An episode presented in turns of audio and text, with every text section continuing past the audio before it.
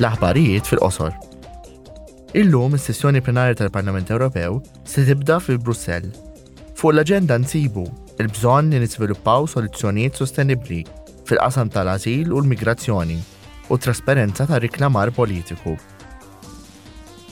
Il-membri tal-Parlament Ewropew se jeżaminaw is-sitwazzjoni fl-Afganistan f'dibattitu mal-kap tal-politika barranija tal-Unjoni Ewropea Josep Borrell.